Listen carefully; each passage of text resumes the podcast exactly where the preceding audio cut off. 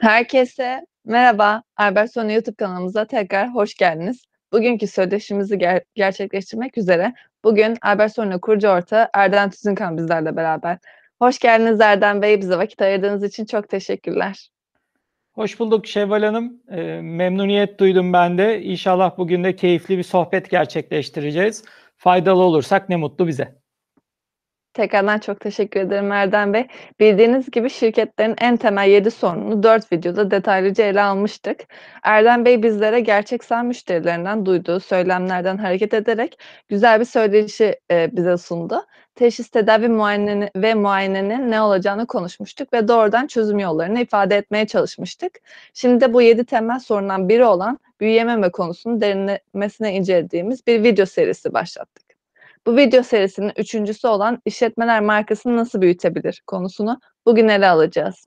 Erdem Bey özellikle pazarlama planları oluşturmak isteyen küçük işletmeler arasında markanın ne olduğu konusunda muazzam bir miktarda kafa karışıklığı bulunuyor. Bu kapsamda Erdem Bey marka nedir, ne işe yarar? Dilerseniz bunlardan bahsederek söyleşimize giriş yapmış olalım. Çok teşekkür ediyorum bu fırsatı verdiğiniz için Şevval Hanım. E, keyifle marka hakkında konuşmayı ben de isterim. Çünkü marka günlük hayatımıza girmiş olan, sürekli karşımıza farklı yerlerde çıkan bir olgu. Bir tüketici olarak da marka sahibi de olsak, bir tüketici olarak da devamlı farklı markalarla aslında karşı karşıya kalıyoruz. Dolayısıyla bütün bu tırnak içinde cümbüşün içerisinden nasıl yolumuzu buluruz ve kendi markamızı büyütürüz? Aslında bunu konuşmak isterim. Bunun için de tabii ki markanın ne olduğunu ve ne işe yaradığını mutlaka bilmek gerekiyor diye düşünüyorum. Bir kere şundan başlayalım. Markanın e, çok böyle kolay verilebilecek bir tanımı yok. Veya marka biraz da kendi doğası gereği aslında başkasından ayrışmak demek. Dolayısıyla herkese göre tanımı da biraz farklılık arz ediyor. Şimdi bunu bilerekten e, bazı örneklerle de desteklemeye çalışarak şöyle bir tanım yapalım isterim. Marka bir işletmenin, şirketin e, sahip olduğu ürün veya hizmetlerini rakiplerinden ve diğer rekabette olduğu kurumlardan farklılaştıracak öğelere tamamına verilen isim. Bu öğeler işte onun logosu olabiliyor, rengi olabiliyor, işte e, onun kişiliği olabiliyor, ismi olabiliyor. Ee, onu betimleyen, o ürün veya hizmeti betimleyen çeşitli görsel, işitsel, fiziksel e, öğelerin hepsi aslında markanın bir unsuru. Ee, örnek vermek gerekirse hani marka ismini es geçerek söyleyeyim. Mesela şunu hatırlıyorum yani aklımda kalmış hani insanlara biraz daha ilk beklediklerinin dışında bir örnek vereyim. Mesela e, bir AVM'ye girdiğimde hemen işte X-ray cihazından geçtikten sonra ya konumlanan bir yiyecek standı vardı. Bu yiyecek standının markası aslında şöyle belli oluyordu. Tarçın kokusunu yayarak. Mesela kokuyla marka yaratmış. Ee, yani tabii ki bilerek ve isteyerek yapıyorlardı. Sanki kendiliğinden gelişmiş e, gibi oluyordu ama tabii ki bilerek ve isteyerek aslında o kokuyu belli aralıklarla e, havaya püskürtüyorlardı. Ama mesela onu diğerlerinden ayırt eden şey ne burada? Aslında markanın kokusu. E, tekrar dönmek gerekirse bir örnekle daha ifade etmek isterim. Şimdi e, bilmiyorum benim gibi belgesel sevenlerden misiniz? Özellikle hani dünyamızda e, yaşayan ben farklı canlıların nasıl e, yaşadıklarını merak eden bir insanım. Bunun için de e, fırsat bulabildikçe e, farklı belgeselleri izlemeye çalışıyorum. Burada aklımda hemen şu canlandı. Mesela penguenler. Şimdi penguenlerin e, çok muazzam bir yaşam döngüleri var. E, malum hani kutupta yaşıyorlar e, çoğunlukla ve yani Güney Amerika'nın uçlarında e, ve bu yaşadıkları yerde işte buzullarla kaplı bir e, şey var. Kışın çok fazla bir şey yapılamıyor. Yiyecek de e, bulunamıyor o ortamda. Ama buzlar çözüldüğü zaman, iklim yumuşadığı zaman aslında çok uzun bir yolculuğa çıkıyor. Bütün yetişkin penguenler. Nasıl bir yolculuğa? Denize atlıyorlar ve balıkları tutmaya gidiyorlar. Yani bildiğiniz balıkları yutuyorlar ama e, sindirmiyorlar. Aslında depo gibi tutuyorlar ve daha sonra o yani yüz binlerce penguenden bahsediyorum. Hep hemen hemen hepsi aynı zamanda tekrar karaya çıkıp orada bekleyen çocuklarına, çocuk penguenlere, bebek penguenlere o e, topladıkları balıkları ağızlarından tekrar veriyorlar. Ve orada ne oluyor biliyor musunuz? Yüz binlerce çocuk, yüz binlerce yetişkin penguen birbirini hiç karıştırmadan bulabiliyor. İşte orada herkesin kendini diğerinden ayırt ettiği bir markası var aslında. Bakın yüz binler de olsa, milyonlar da olsa işte sesinden, görüntüsünden, e, sesinin tonundan, işte yüzündeki bir lekeden tanıyorlar. İşte marka bu demek. O yüz binlerin, milyonların arasında o bir taneyi diğer yüz binlerden, milyonlardan ayırmaya yarayan şeye biz marka diyoruz. İşte penguenler mesela bu işi çok iyi başarıyor. Halbuki bizi insanlar yani ben de o kadar belgesel de izlesem baktığım zaman ya bunların hepsi aynı penguen değil mi diyorum. Yani hiçbir farkları yok benim gözümde. Ama aslında derine indiğimde, detaya indiğimde, gerçekten o yakına gittiğimde görüyorum ki evet ses tonu, çığlığı, bağırması, işte o yüzündeki ne, siyah beyaz veya hani hafif kızılımsı ufak lekelerin e, varlığı bile bir marka yapıyor onu ailesinin gözünde, anne baba yetişkin penguenin gözünde. İşte marka budur. Peki ne işe yarar? İşte o yüz binlerin, milyonların arasında fark edilebilmeyi, ayırt edilebilmeyi, diğerlerinden öte yana bir yana koyulup tek başına aslında sahne ışıklarının üzerine e, yöneltilmesini sağlar. Dolayısıyla aslında fark edilebilmeyi ve farklılaşabilmeye yarar. Böyle özetleyebiliriz diye düşünüyorum. Çok teşekkürler Erdem Bey. Gayet açık oldu penguen örneğiyle beraber. Peki işletmelerin hakkında olan çok önemli bir soruyu yönelteyim size de derseniz Erdem Bey. İşletmeler markasını nasıl büyütebilir? İşletmeler bir kere işletmeler, kurumlar, şirketler e, markalı da markasız da yaşayabilirler. Hani bir kere bunu bir hakkı teslim etmek gerekiyor. Yani her işletmenin bir markası olmalı mı? Bazı iş modelleri markaya dayanmayabilir. Yani fason örneğin işlerde tamamen işte e, private label dediğimiz başkasının markası adına üreten e, iş modelleri var ve bunlar arasında dünya genelinde çok çok başarılı olanlar da var. Hani burada bir hakkı teslim etmek lazım. Dolayısıyla marka sadece işi büyütmenin tek yolu markalaşmak mıdır? Değildir. Fakat markalaşmak işletmeyi, işi büyütmenin çok çok önemli bir parçasıdır. Tek yolu olmasa da birçok kapı markaya çıkar büyüme yolculuğunda. Diyelim ki biz e, veya dinleyenlerimiz marka odaklı bir büyüme istiyorlar. Yani marka yaratmak istiyorlar veya yarattıkları markayı büyütmek istiyorlar.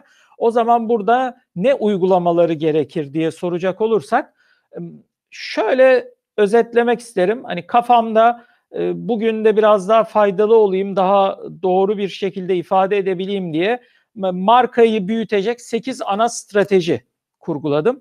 Bu e, markayı büyütmeye yarayacak 8 ana stratejiden bahsetmek isterim izninizle sırayla Şevval Hanım.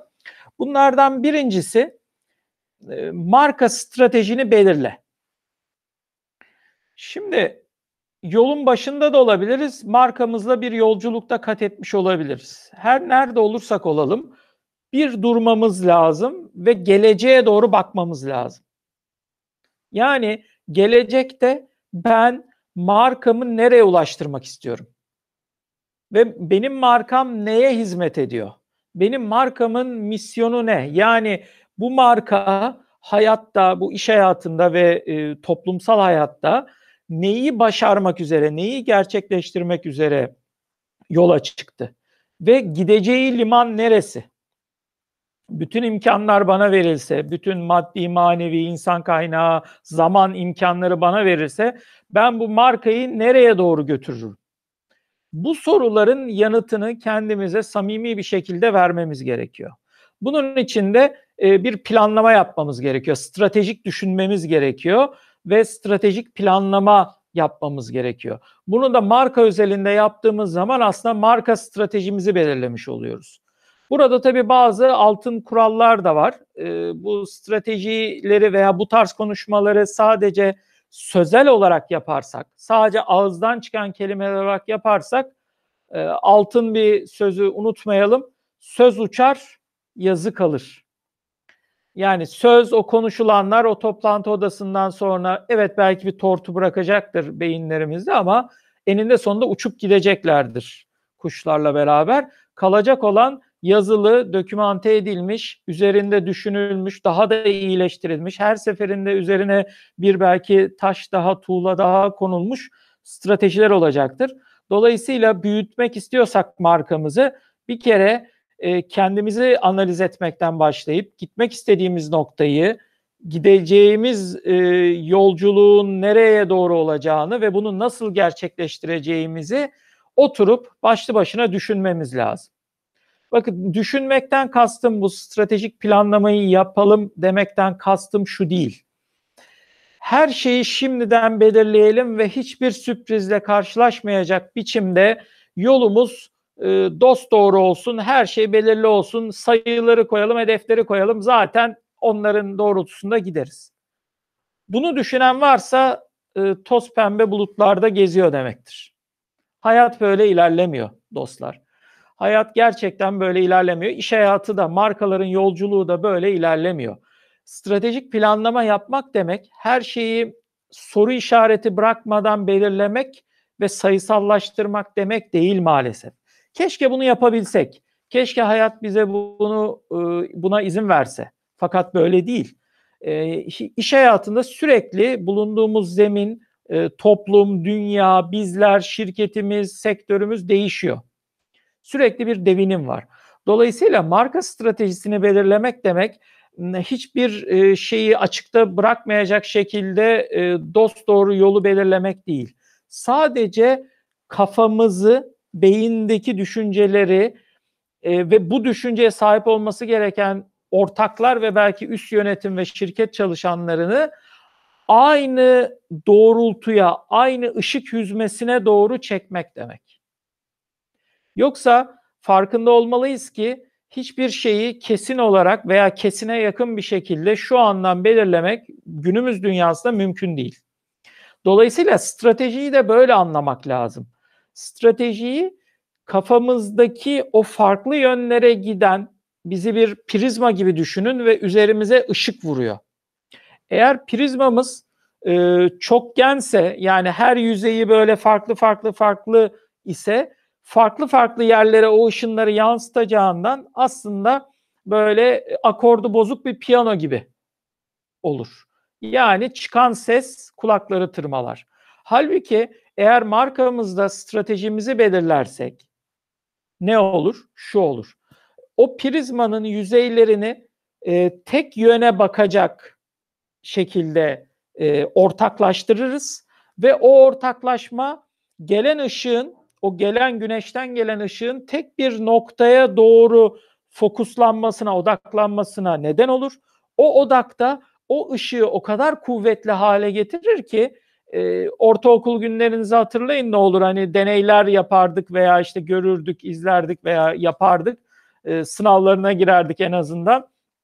İşte oraya odakladığınız zaman mesela bir kağıdı bile aslında yakmaya başlayabiliyorsunuz. Bir ateşi bile başlatabiliyorsunuz. Bir yeri geliyor işte bir e, öyle bir prizma yapabilirsiniz ki aslında bir yiyeceği bile pişirebilirsiniz orada. O kadar odaklayabilirsiniz. Hatta işte bu mantıktan hareketle biliyorsunuz daha da teknik konuşacak olursak şu an işte güneş panelleri, güneş enerjisi sistemleri aslında bu ve benzeri e, tamamen fiziksel mekanizmalara odaklanır.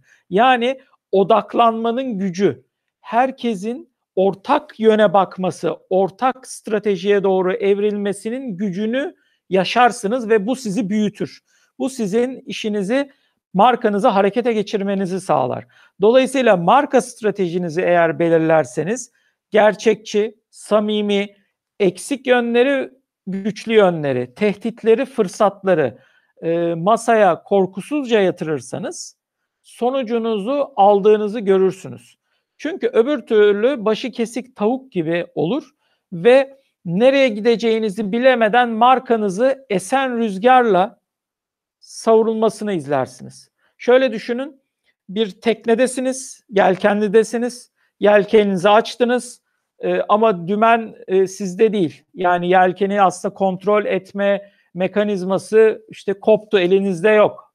Sadece dolayısıyla yelken, rüzgar nereden geliyorsa o tarafa doğru, yani rüzgarın estiğinin e, yönüne doğru gidecektir sizin onun yönünü çevirme veya bırakın çevirmeyi belirleme şansınız bile olmayacaktır. İşte o belirleme şansınızı elinizde tutmak istiyorsanız e, ki bu markanızı büyümesine yol açacaktır.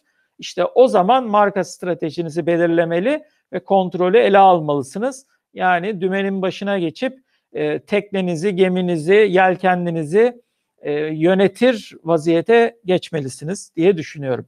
Bu birinci ana strateji markayı büyütecek olan. İkinci ana stratejimize gelecek olursak Şevval Hanım. Orada da şöyle bir formülasyonda akılda kalıcı şekliyle belirtmek isterim. Markanı konumlandır. Herkese hitap eden hiç kimseye hitap etmez. Evet farkındayım. Ee, biraz cümle kurduğum cümle kendi içinde böyle bir zıtlık barındırıyor gibi. Ama tam da ben bu zıtlığı istiyorum zaten. Çünkü e, bazen düşünen yanılgı şudur marka e, konumlandırma veya genel marka e, terminolojisinde. Ya biz öyle bir şey yapalım ki işte pazarımız büyük olsun, e, her yere gidelim, her şeyi başaralım. İşte markamız mümkün olduğunca geniş kitlelere hitap etsin. Tamam bunlar doğru. Bunları yapalım. Ama bunu yapsak dahi tüm dünyaya, tüm işte diyelim ki bireysel kullanıcılar bizim tüketimizi, insanlar bizim, bütün insanları hani hedefleyebilecek bir iş modelimiz var, markamız var, son tüketiciye hitap etsin. Ya herkesi hedefleyelim demek aslında hiç kimseyi hedeflemeyelim demekle eşdeğer. Bunu ifade etmek istiyorum. Çünkü dünyada ekonominin zaten temel tanımı e, kaynakların kıt olması. Ne zaman yeterli, ne para yeterli, ne insan kaynağı yeterli herhangi bir işi her, düşünülen şekilde mükemmel yapmak için ne de para yeterli. Bütün bunların bu varsayımlarından hareket edecek olursak bizim bunları optimize etmemiz gerekiyor. Dolayısıyla optimize etmek için de markamızı alıp konumunu belirlememiz gerekiyor. Tamam, çok büyük bir daire düşünün bu dairenin biz bir pasta düşünün daire şeklinde. Bu pastanın hangi dilimini alacağız? Evet büyük bir dilim pastayı hedefleyebiliriz. Ama bütün pastayı hedefleyemeyiz ki. Mesela ne olacak o zaman eğer bütün pastayı hedeflersek mesela dünyada başka işletmeler, başka e, kişiler bu işten ekmek yemeyecek mi? İlla ki yiyecek. Dolayısıyla bütünü hedeflemek aslında hiçbirini hedeflemektir. O yüzden yap, yapılması gereken şey markayı büyütmek için markanızın olması gereken e, size değer yaratacak, fırsat yaratacak ve para kazandıracak, işinizi ve markanızı büyütecek doğru konumunu, doğru konumlandırmasını belirlemek olacaktır. Buna da hani e, tabir olarak özellikle marka terminolojisinde marka segmentasyonu diyoruz. Yani pazarın segmentasyonu diyoruz ve bu segmentasyonla beraber markamızın o segment içindeki konumlandırılması diyoruz. Ee, burada dediğim gibi hepsine hitap edemeyiz ama en kuvvetli olduğumuz, olabileceğimiz, en çok değeri yaratıp filizlendirip bir ağaç haline getirebileceğimiz alanı belirlersek, boşluğun nerede olduğunu belirlersek o konumlandırma haritasında, marka konumlandırma haritasındaki boşluğu fark edebilirsek o filizlendirdiğimiz ağacın dallarını o tarafa doğru yönlendirebilecek şekilde de bir üste belirttiğim stratejiyi aslında konu yaratabilirsek E, dolayısıyla aslında markamızı büyütmüş oluruz.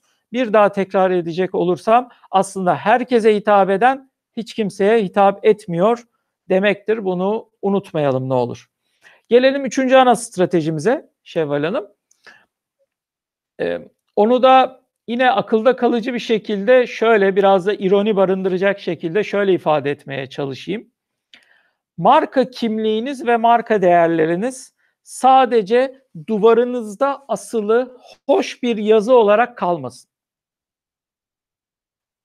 Şimdi şirketlere gittiğimde, kurumlara gittiğimde e, açıkçası böyle özellikle toplantı odalarının girişlerinde ve toplantı odalarında işte o koridorlarda büyük yerlerde veya binanın ana girişinde ilk karşıya baktığınız duvarda koca koca neredeyse bütün duvarı kaplayan işte yazılar görürüm genelde. Bu yazılar işte ballandıra ballandıra markanın kimliğinin ne olduğunu anlatır. Değerlerini anlatır. Markanın değeri veya daha genelde şirketin değerleri diye e, satır satır yazar. Şimdi bunlar eğer duvardaki o hoş tablolar gibi kalacaksa hiç yapmasanız da olur. Açık söyleyeyim.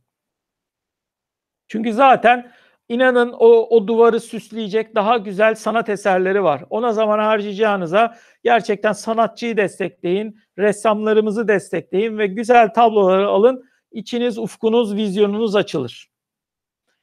Fakat derdiniz gerçekten markanızı büyütmekse o zaman yapmanız gereken şey şu e, Şevval Hanım.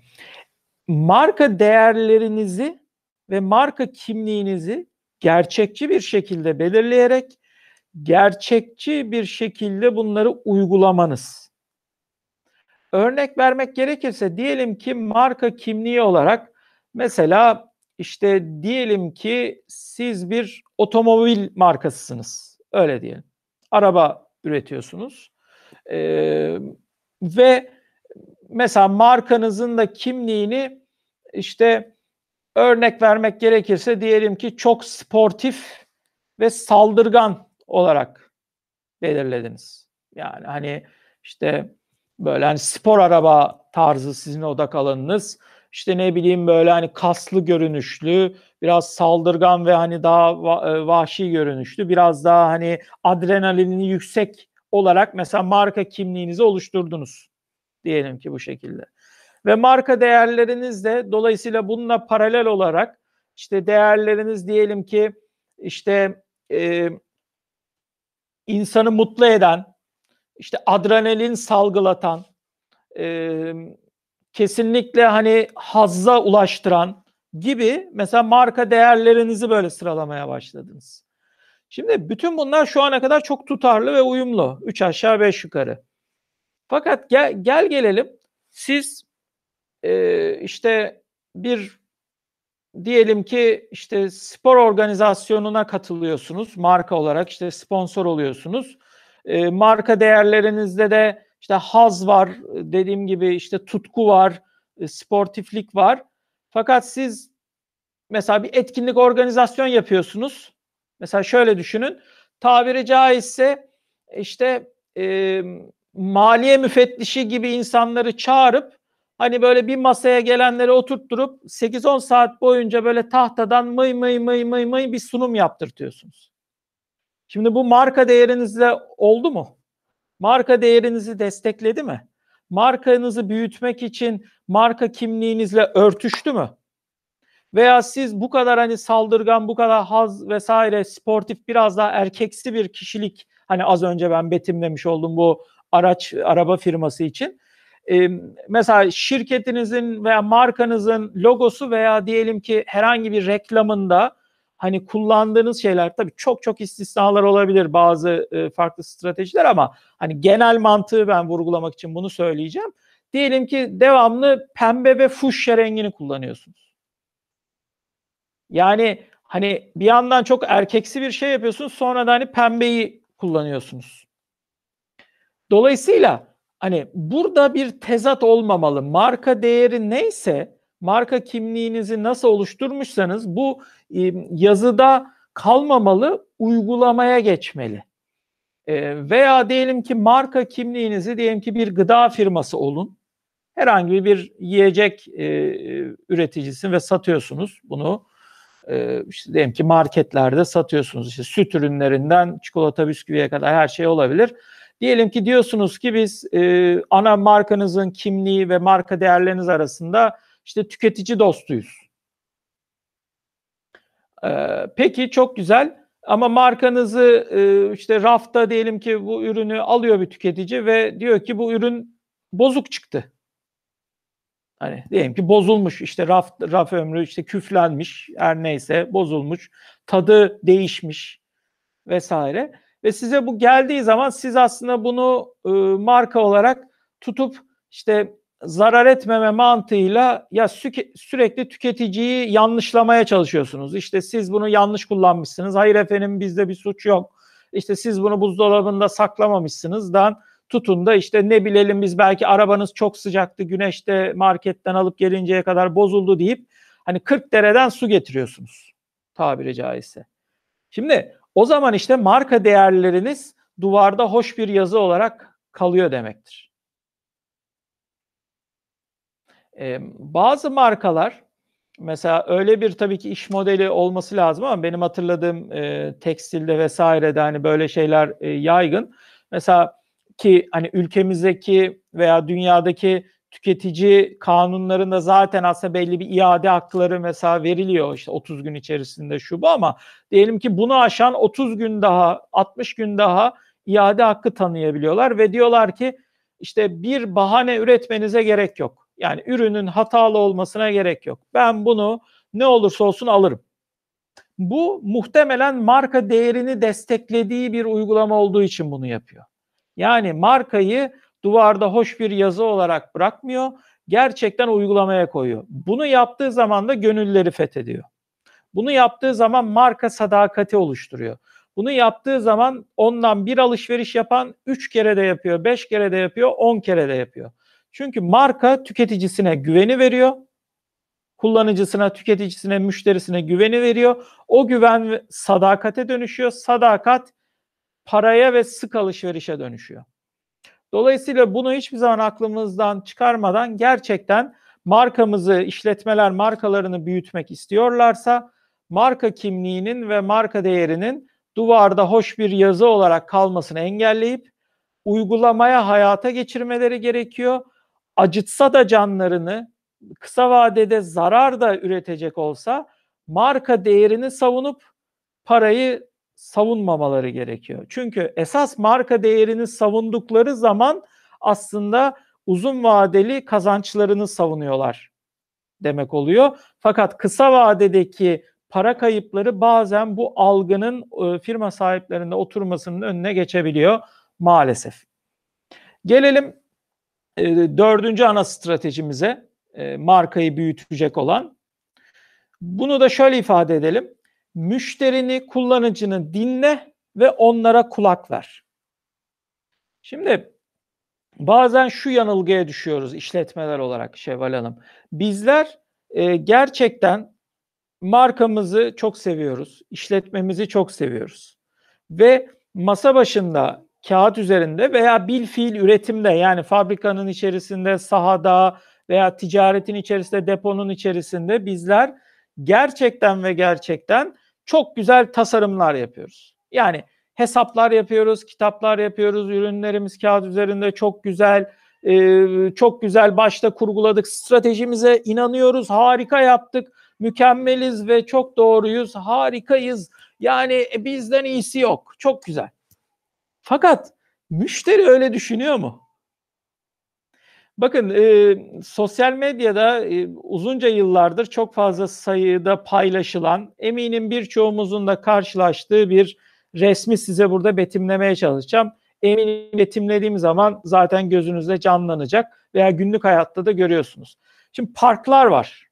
Normal bildiğimiz parklar hani şehirlerimizde işte bir arada yürüyüş yolları var, çimen olan kısımlar var, ağaçlar var. Belki işte içinde ne bileyim işte çocuk parkı alanları var vesaire. Şimdi orada o yürüyüş yolları vardır ya böyle yürürsünüz. Şimdi yürüyüş yolunu e, eğer parkın ana girişi ve çıkışı ve insanların aslında o parkı nereden nereye geçmek için kullandıklarını düşünmeden tasarlamışsanız şöyle bir karşımıza alan çıkıyor. Yürü, yürüyüş yolu var. Çok güzel işte zemini harika, güzel taşlar, betonlar, işte mermerler bile olsa harika bir zemin. Fakat aslında kullanılmıyor. Bir yeşil alan var. Yeşil alanın içerisinde bir çaprazlama, o çimenin kesildiği bir böyle kanal görüyorsunuz.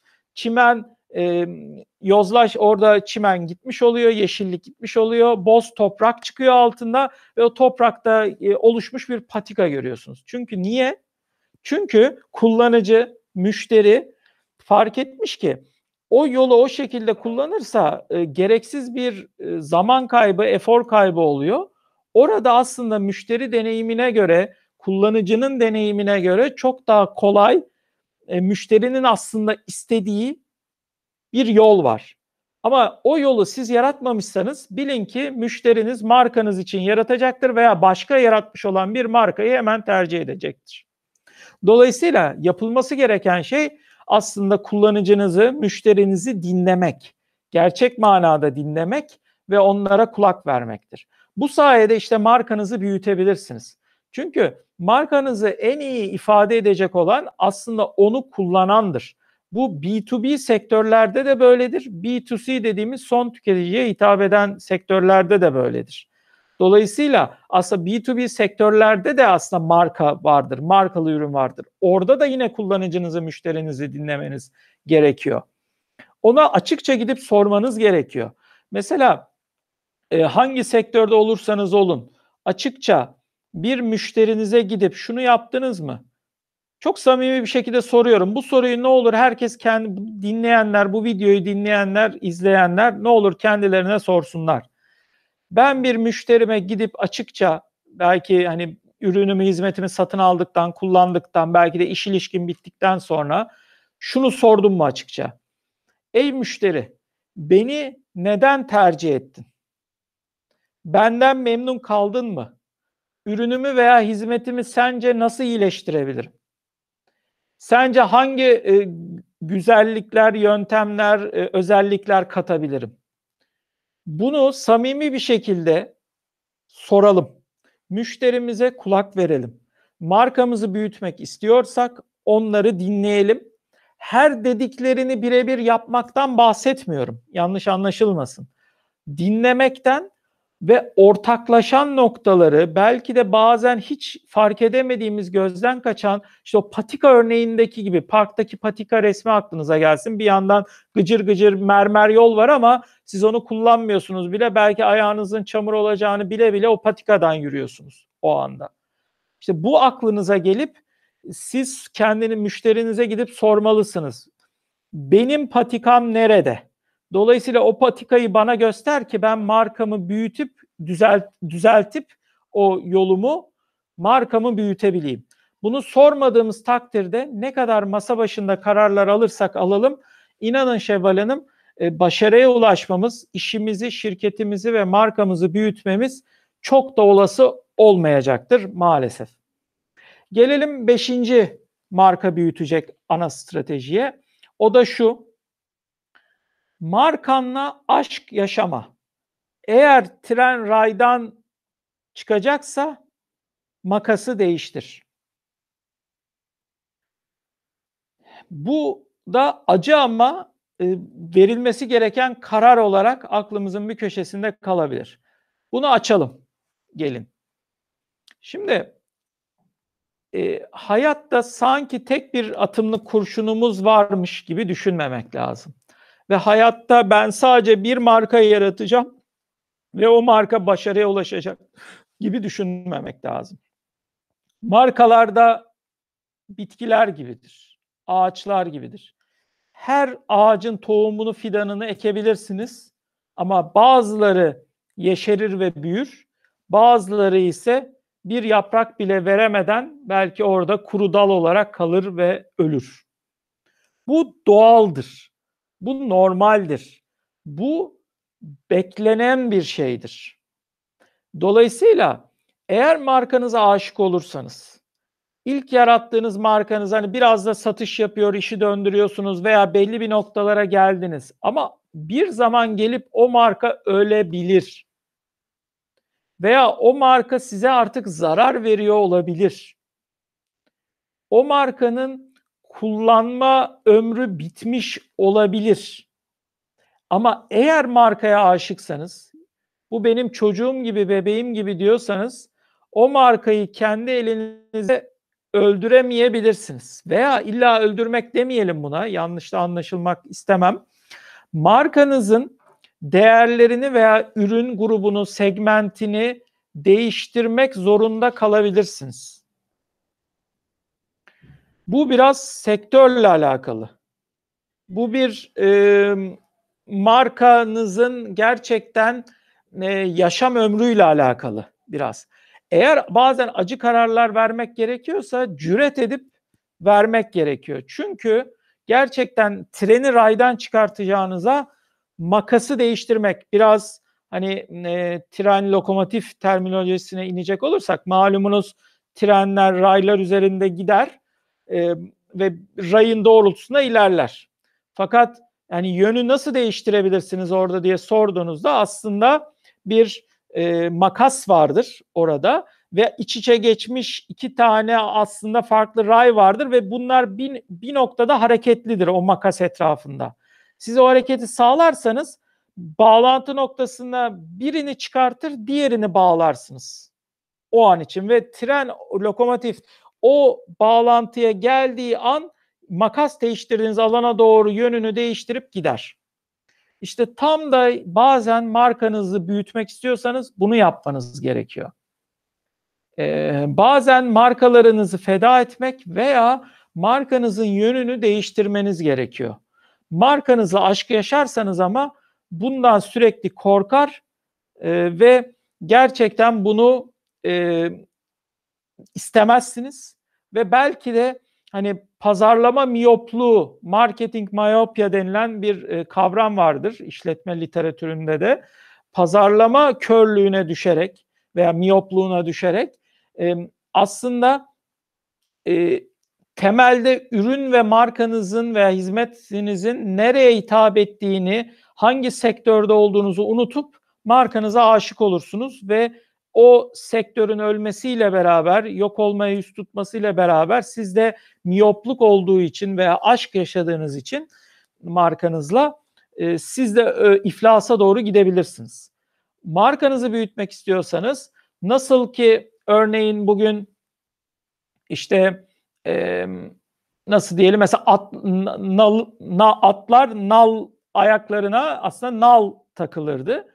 Çünkü eskinin ulaşım aracı atlardı ve atların aslında yere değdiği noktada hem hızlarını kesmemek hem acı vermemek hem de hani süreklilik sağlamak, hız sağlamak adına nallar çakılırdı.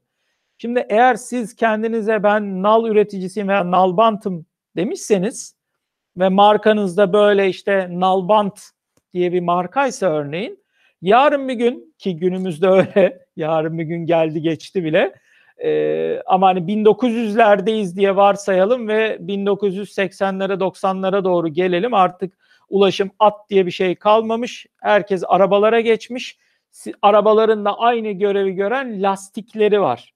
Siz markanızı nalbant olarak koruyup ama bu ideolojiye geçememişseniz, bu e, pazarlama körlüğünü üzerinizden atamamışsanız eğer e, nalbantlıktan e, lastik üreticiliğine veya lastik servisliğine geçemezsiniz. O zaman da yani trenin makasını değiştirememişseniz, rayın makasını değiştirememişseniz o zaman işte markanızla aşk yaşıyor ve maalesef ölümüne imza atıyorsunuz demektir. Büyütmek için dolayısıyla trenin makasının ne zaman değişeceğine e, kulak vermeniz ve bunu e, cüret ederek yapmanız gerekiyor işler bu noktaya geldiğinde büyümek istiyorsanız. Gelelim e, altıncı ana stratejimize Şevval Hanım. O da şu. Gelin çiçeğin güneşi olun. Yani pazarlama olmadan marka büyüyemez. Ne demek istiyorum? Nasıl ki bir çiçeği ektiniz bahçenize, balkonunuza, bir güzel bir saksınıza. O çiçeği böyle rengarenk çiçekleri var. Onun büyümesini istiyorsanız ona güneş vermelisiniz. Güneş ışığını almalı. Başka türlü büyütemezsiniz. Tabii ki toprağa gerekli mineralleri de vereceksiniz. Tabii ki suyu da vereceksiniz.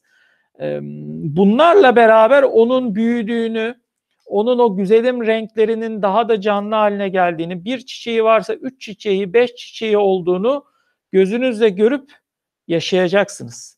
İşte gelin bu güzel duyguyu kendi işinizde ve markanızda, kendi işletmenizde de yaşamak istiyorsanız çiçeğinizi yani markanızı büyütün. Yani ona güneş verin. Bunu yapmanın yolu da pazarlamadan geçer. Pazarlamak, pazarlama, pazarlama stratejisi, departmanı, pazarlama unsurları, işte 4P denen e, pazarlama öğeleri, bütün bunlar çiçeğinizin güneşi anlamına gelir. Gelin çiçeğinizin güneşini yaratın. Yani yoksa bir pazarlama marka departmanı bunu kurun. Varsa bile bunun hakkını verin. Yani kış güneşiyle çiçek büyümez. Çünkü hava soğuktur ve o güneşin vereceği enerji zaten azdır. Yaz güneşi, ilkbahar güneşi yaratmanız lazım. Yani pazarlama departmanının canlı olması lazım, işlevsel olması lazım, marka stratejilerinizin olması lazım, marka departmanınızın olması lazım, belki e, marka müdürlüğü, ürün müdürlüğü gibi kavramların olması lazım. İşte pazarlamanızın segmentasyon gibi kavramlarla, rakip analizi gibi kavramlarla, hedef pazarlar gibi kavramlarla haşır neşir olması lazım. 4P'yi uygulamaya almış olmanız lazım. Yani e, işte e, fiyat ne olacak, e, işte e, nerelerde bulunacak, işte pa- tanıtım stratejilerim ne olacak? E, ve hani dağıtım ve müşteri stratejilerim ne olacak, bütün bunları aslında belirliyor olmanız lazım. E, dolayısıyla bunları yani pazarlamayı yaratırsanız yani güneşi e, çiçeğinizin üzerine getirirseniz güneş e, çiçeğinizi evin içindeki gölge bir noktadan balkonunuza güneş görebilecek bir yere alırsanız onun ışıldadığını, parıldadığını, boy attığını ve büyüdüğünü görebilirsiniz. İşte markanızı büyütmenin yolu pazarlamayı hakkıyla yapmanızdan geçiyor. Bu da pazarlama departmanının kurulumundan başlayıp işte e, segmentasyon kavramları, 4P kavramları, hedef pazar, rakip analizi kavramları, e, marka yöneticiliği, ürün ve marka müdürlüğü gibi kavramların uygulanmasına kadar giden uçtan uca bir süreç. E, unutmayın ki güneş olmadan çiçek büyümez, pazarlama olmadan da markanız maalesef büyüyemez. Bunu unutmayalım. Gelelim yedinci e, altın e, öğeye ve ana stratejiye ma- markamızı büyütmek istediğimiz e, alanlarda. O da şu. Kriz anlarını fırsata çevir. Para değil yürekleri kazan. Şimdi özellikle markalarda, özellikle de son tüketiciye hitap eden markalarda bu o kadar önemli ki. Yani önemini an, kelimelerle anlatamam. Çünkü insanların unutmayın e, zıpladıkları yer aslında sıçradıkları yer daha doğrusu şöyle söyleyeyim sıçrayabilmek için sizin bir e, yayı düşünün veya üzerine sıçrama tahtasını düşünün tam sıçradığınız nokta yere değmek üzere olduğunuz noktadır. Tepe noktadayken sıçrayamazsınız. Altınıza yine bir zemin gerekir. Yani kendinizce yeni sıfırlar, yeni zemin noktaları yaratmanız gerekir ki kuvvet alıp sıçrayabilirsiniz. Bu örneği unutmayın ne olur. Sıçrayabilmek için aslında hani dibe doğru gitmiş olmak lazım. İşte kriz anları böyle anlardır. Sıçramak da krizi fırsata çevirmek demektir. Kriz anları illaki olacaktır. Çünkü hiçbir işletme mükemmel değil, hiçbir insan mükemmel değil hepimiz yaptığımız hatalarla aslında insanız. İnsanoğlu böyle bir varlık. Hatalar, yanlış stratejiler, başarısızlıklar, başarısız denemeler bunlar bizim hayatımızın bir normali. Sürpriz değil asla. Ve bunlar bize eminin olun ki kriz yaşatacak. Yani yaptığımız bir hatadan mesela bir üretimden hata banttan hatalı çıkan bir üründen dolayı bir kullanıcının başına bir şey gelecek. Tabii ki gönül bunun fazla olmasını istemez ama hani milyonda bir de olsa, yüz milyonda bir de olsa gelecek. İşte soru şu, geldiği zaman siz ne yapacaksınız? Orada bir kriz olacak. Günümüz dünyasında bilginin bu kadar hızlı yayıldığı ortamlarda, tüketicinin bunu bangır bangır her yerden bağırabildiği, haykırabildiği ortamlarda artık hiçbir şey e, kapalı kapılar ardında kalmıyor. Ne oluyor? Bunlar afişe oluyor.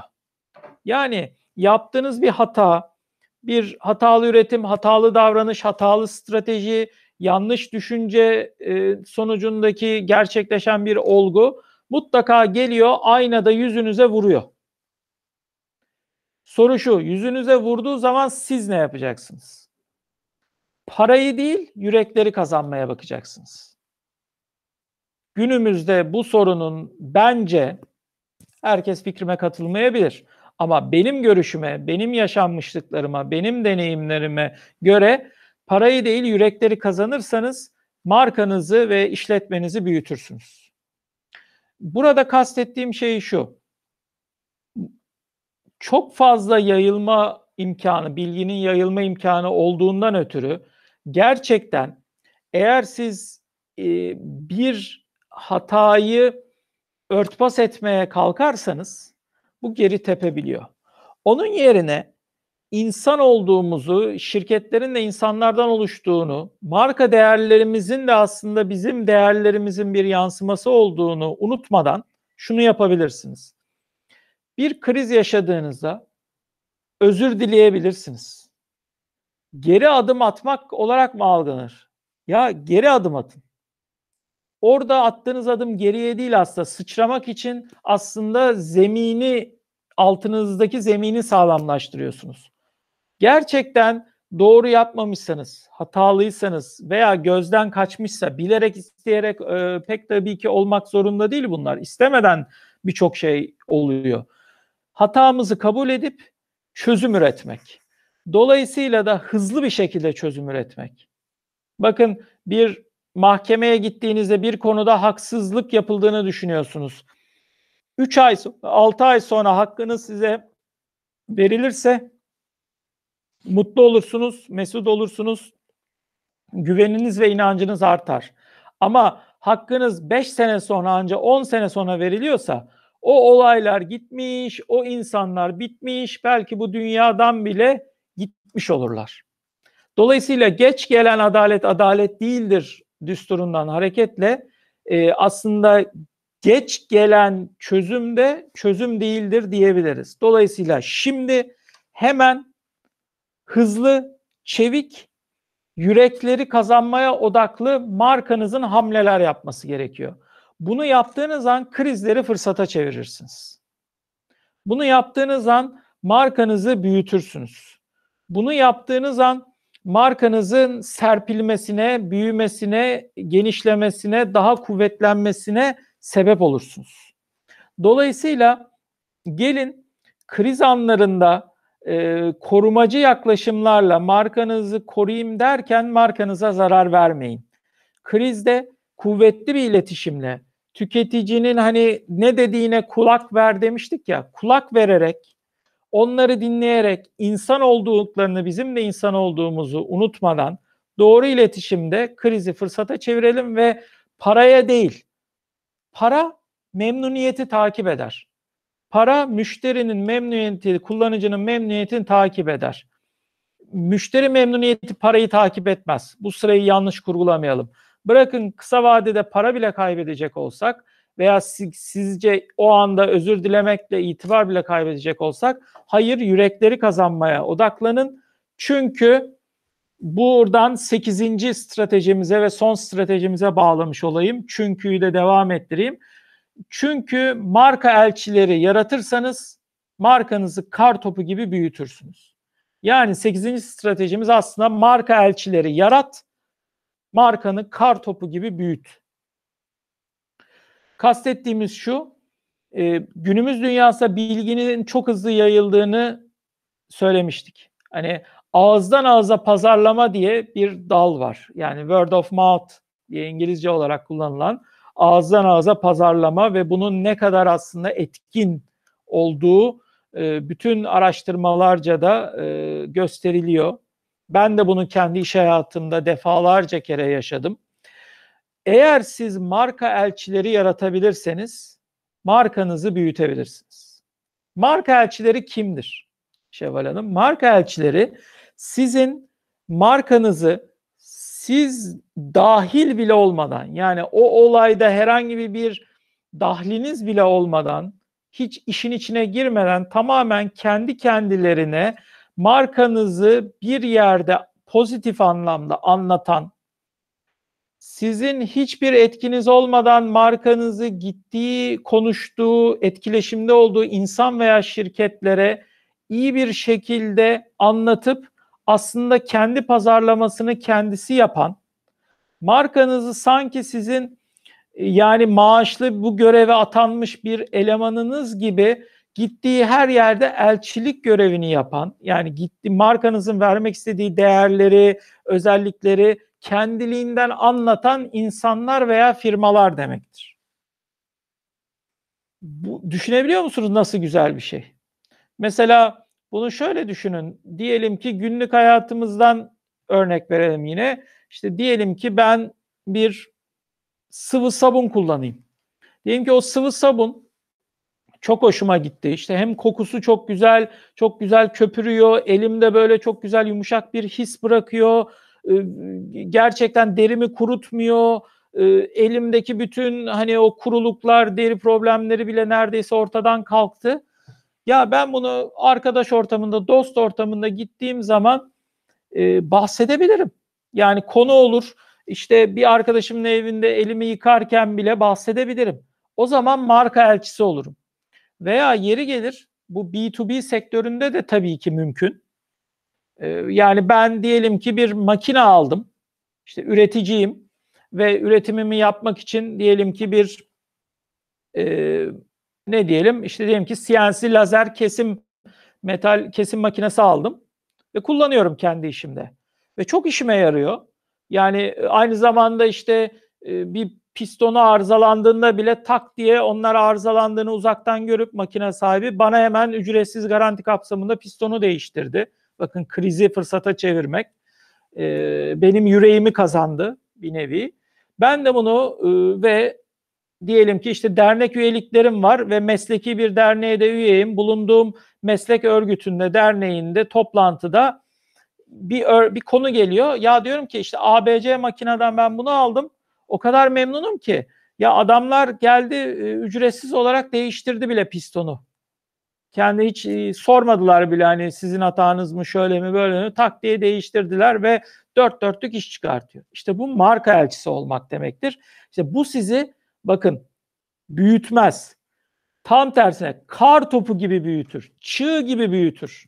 Yani dağın başından o çığın nasıl oluştuğunu düşünün. Ufacıcık bir küreyken siz bir aşağı doğru öyle bir hızlanır ki gerçi bu ivme burada yukarıya doğru olur. E, yukarıya doğru öyle bir hızlanır ve büyürsünüz ki siz bile inanamazsınız nasıl büyüdüğünüze. Size güzel e, yakın zamanda yaşadığım bir örnek vereyim ve bir dostumuzu da buradan e, selam etmiş olalım ve bir müşterimize ve onun örneğiyle aslında bu hem 8. hem 7. E, ma, fırs, e, maddemizi bağlayarak e, kapatalım. Yakın zamanda yaşanmış gerçek bir örnek. Monster Notebook var bizim müşterimiz. E, eminim ki e, hem bilgisayarla arası iyi olanlar özellikle de oyun e, e-sporlarla arası e, gayet arası sıkı fıkı olanlar çok çok yakından tanıyacaktır markayı. E, Türkiye'nin güzel yerli e, gerçekten e, dört dörtlük bir markası ve bizim de e, müşterimiz olmalarıyla gurur duyduğumuz bir marka. Şimdi bu firmanın başına çok yakın zamanda gerçekten e, bir kriz anı olarak da nitelendirilebilecek veya bir fırsat olarak da görülebilecek bir olay geliyor. Bir e, kişi bu e, bir bilgisayar alıyor. Tabii ki günümüzde bilgisayarlar da artık ciddi paralara ulaşmışlar, ulaşmış durumdalar malumunuz. E, bilgisayarı alıyor fakat e, bir iki hafta içerisinde yanlış bilmiyorsam aklımda kaldığı kadarıyla bu galiba çocuğunu alıyor bir aile, bir anne çocuğunu alıyor bu bilgisayarı ve o anne işten çıkartılıyor maalesef. İşten çıkartılınca e, geliri tabii bir anda sıfıra iniyor. Ve bu sıfıra inen gelirden ötürü de hani bu bilgisayarın tabii çok ciddi bir maliyeti var. Büyük ihtimal bakıyor hani bunu karşılayabilecek durumda değil. Halbuki yeni belki bir hafta 10 gün önce aldı bilgisayarı. Ve işte e, zannedersem 30 gün iade hakkı var ücretsiz. Dolayısıyla o hakkı kullanıp bilgisayarı iade etmek istiyor. Bunun için de bir not yazıyor. Bu çocuk e, bilgisayarına Fatma Gül ismini vermiş, bir isim koymuş. El yazısıyla bir not yazıyor ve bu not e, sosyal medyadan da paylaşılıyor. Yani işte ben böyle böyle annem işten çıktığı için bu bilgisayarı size iade etmek durumundayım ama söz veriyorum annem tekrar işe girince işte biraz da para kazanınca 2-3 yıl içinde tekrar bu bilgisayarı sizden almak istiyorum diye ve bununla gönderiyor. Ee, sevgili dostumuz Monster Notebook'un sahibi İlhan Yılmaz Bey e, bu e, paylaşımdan haberdar oluyor ve bütün Monster ailesi hemen harekete geçiyorlar ve bu harekete geçer geçmez diyorlar ki hayır bu bilgisayar bizim size hediyemizdir. Bu iadeyi kabul etmiyoruz. Size geri gönderiyoruz. Para ödemenize gerek yok. Fatma Gül evine dönsün diyorlar. Ve bu e, çok yakın zamanda gerçekleşen bir olay ve bu olay o kadar çok paylaşıldı ki e, influencer dediğimiz hani çeşitli sosyal medya mecralarındaki kişilerin bile gündemine geldi ve onlar tarafından bile çok ciddi övülen hale geldi ve inanın e, konuşmadım bunun satışlarına etkisi oldu mu e, ama olduğuna veya bundan sonraki zamanda olacağına yüzde yüz eminim. Kar topu gibi bir etki gördüm ben çevremde. Kar topu gibi pozitif yönde firmanın marka değerini ve kullanıcının arkasında olduğunu, nasıl yürekleri kazandığını ifade eden çığ gibi sosyal medya paylaşımları gördüm. Eminim ki bu çok pozitif etki edecektir bundan sonraki hayatında da. Buradan e, Monster ailesine de selam vermiş olalım.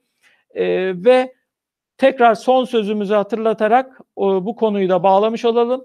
Gelin marka elçileri yaratın bu örnekteki gibi ve markanızı kar topu gibi büyütün. Sözü bu, bu şekilde size vermiş olayım Şevval Hanım. Çok teşekkür ederim Erdem Bey. Anlattığınız 8 stratejiyle marka nasıl büyütülür sorusunun cevabını açık bir şekilde de öğrenmiş olduk. Dilerseniz son sorumu da size yönelteyim ve söyleşimizi bitirmiş olalım. Erdem Bey, markaları büyütmek için Albert Sony olarak müşterilerinize ne veya neler sağlamaktasınız? Çok teşekkür ediyorum. Hani bu kısımda biraz özet geçeceğim ve hani çok genel yaklaşımlarımızdan bahsedeceğim izninizle. Şimdi bir kere Albert Solino olarak biz aslında her bir danışmanlık projesine şu şekilde yaklaşıyoruz Şevval Hanım. Bir doktor gibi kendimizi görecek olursak ilk önce muayene et, ediyoruz. Yani danışmanlık terminolojisinde mevcut durum analizini gerçekleştiriyoruz.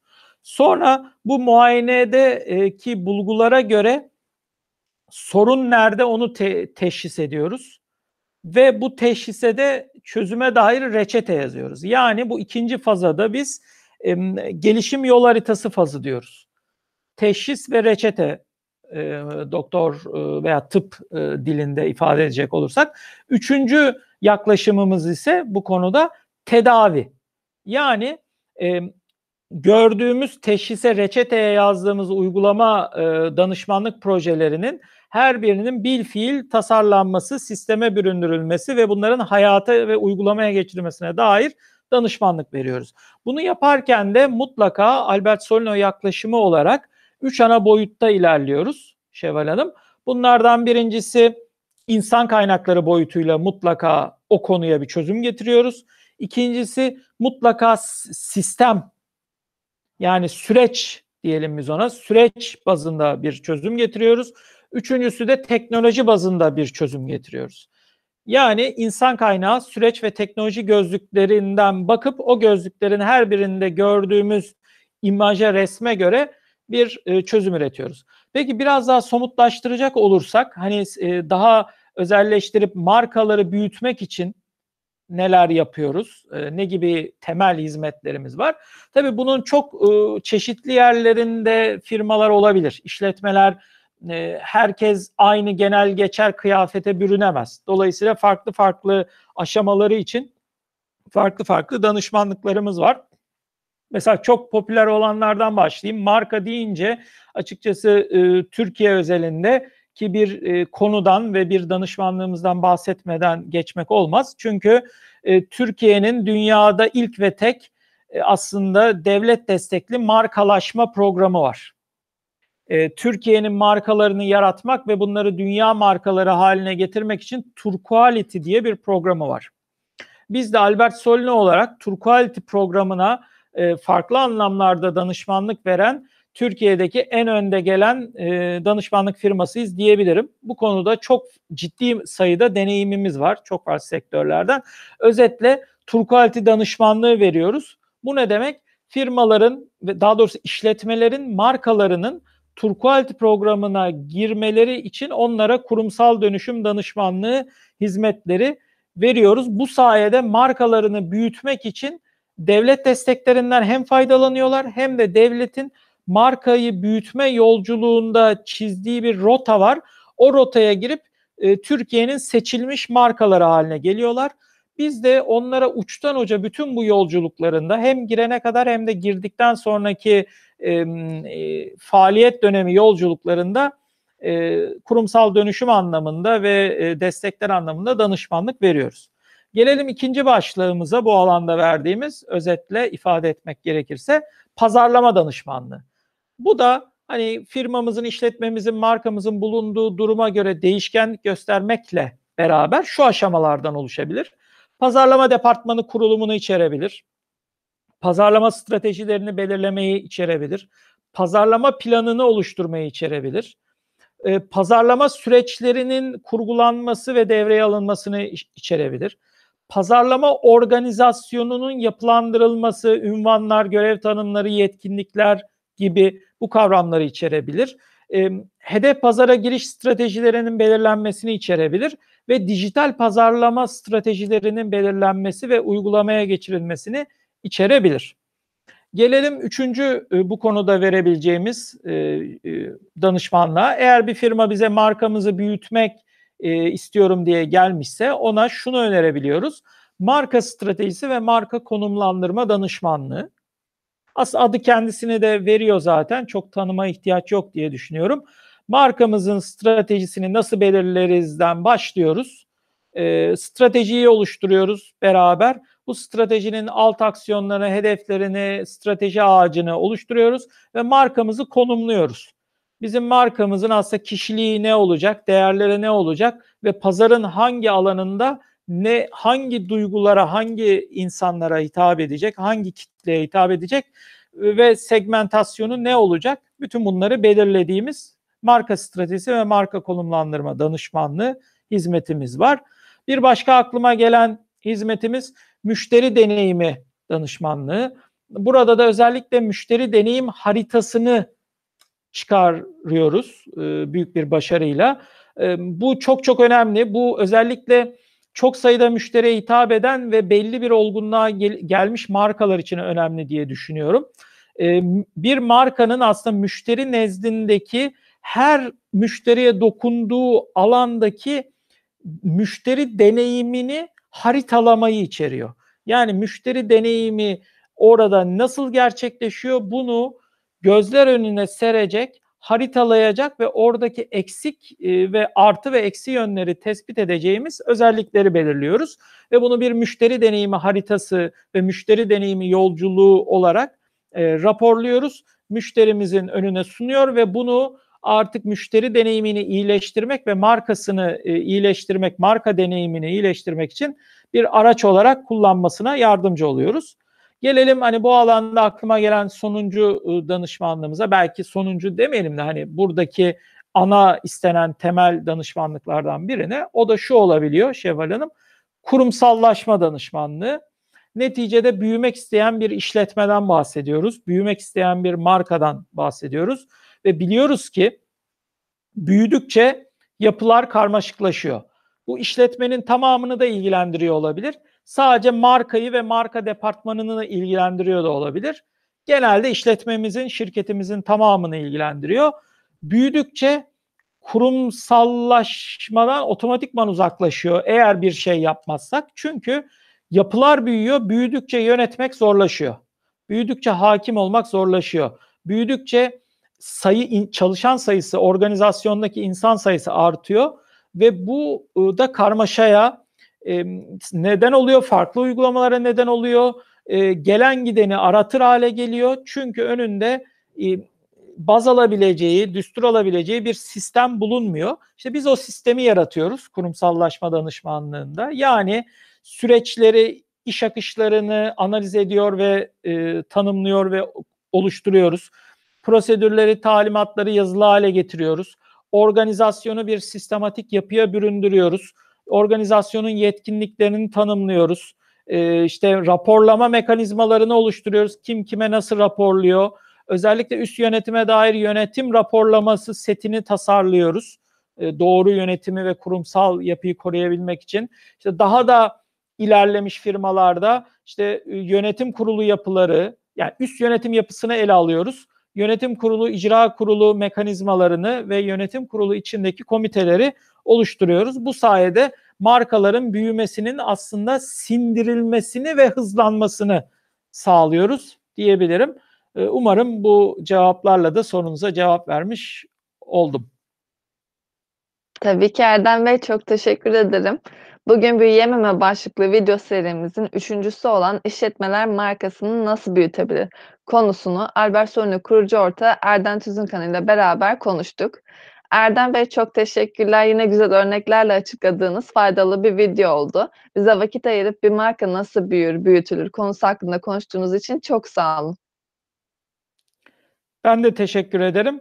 Ee, inşallah bizi dinleyen, izleyenler markalarını az da olsa burada konuşulanlardan bir e, e, feyz alıp gerçekten büyütmeyi başarabilirler. O e, okyanusta da bizim bir damlamız olursa ne mutlu bize.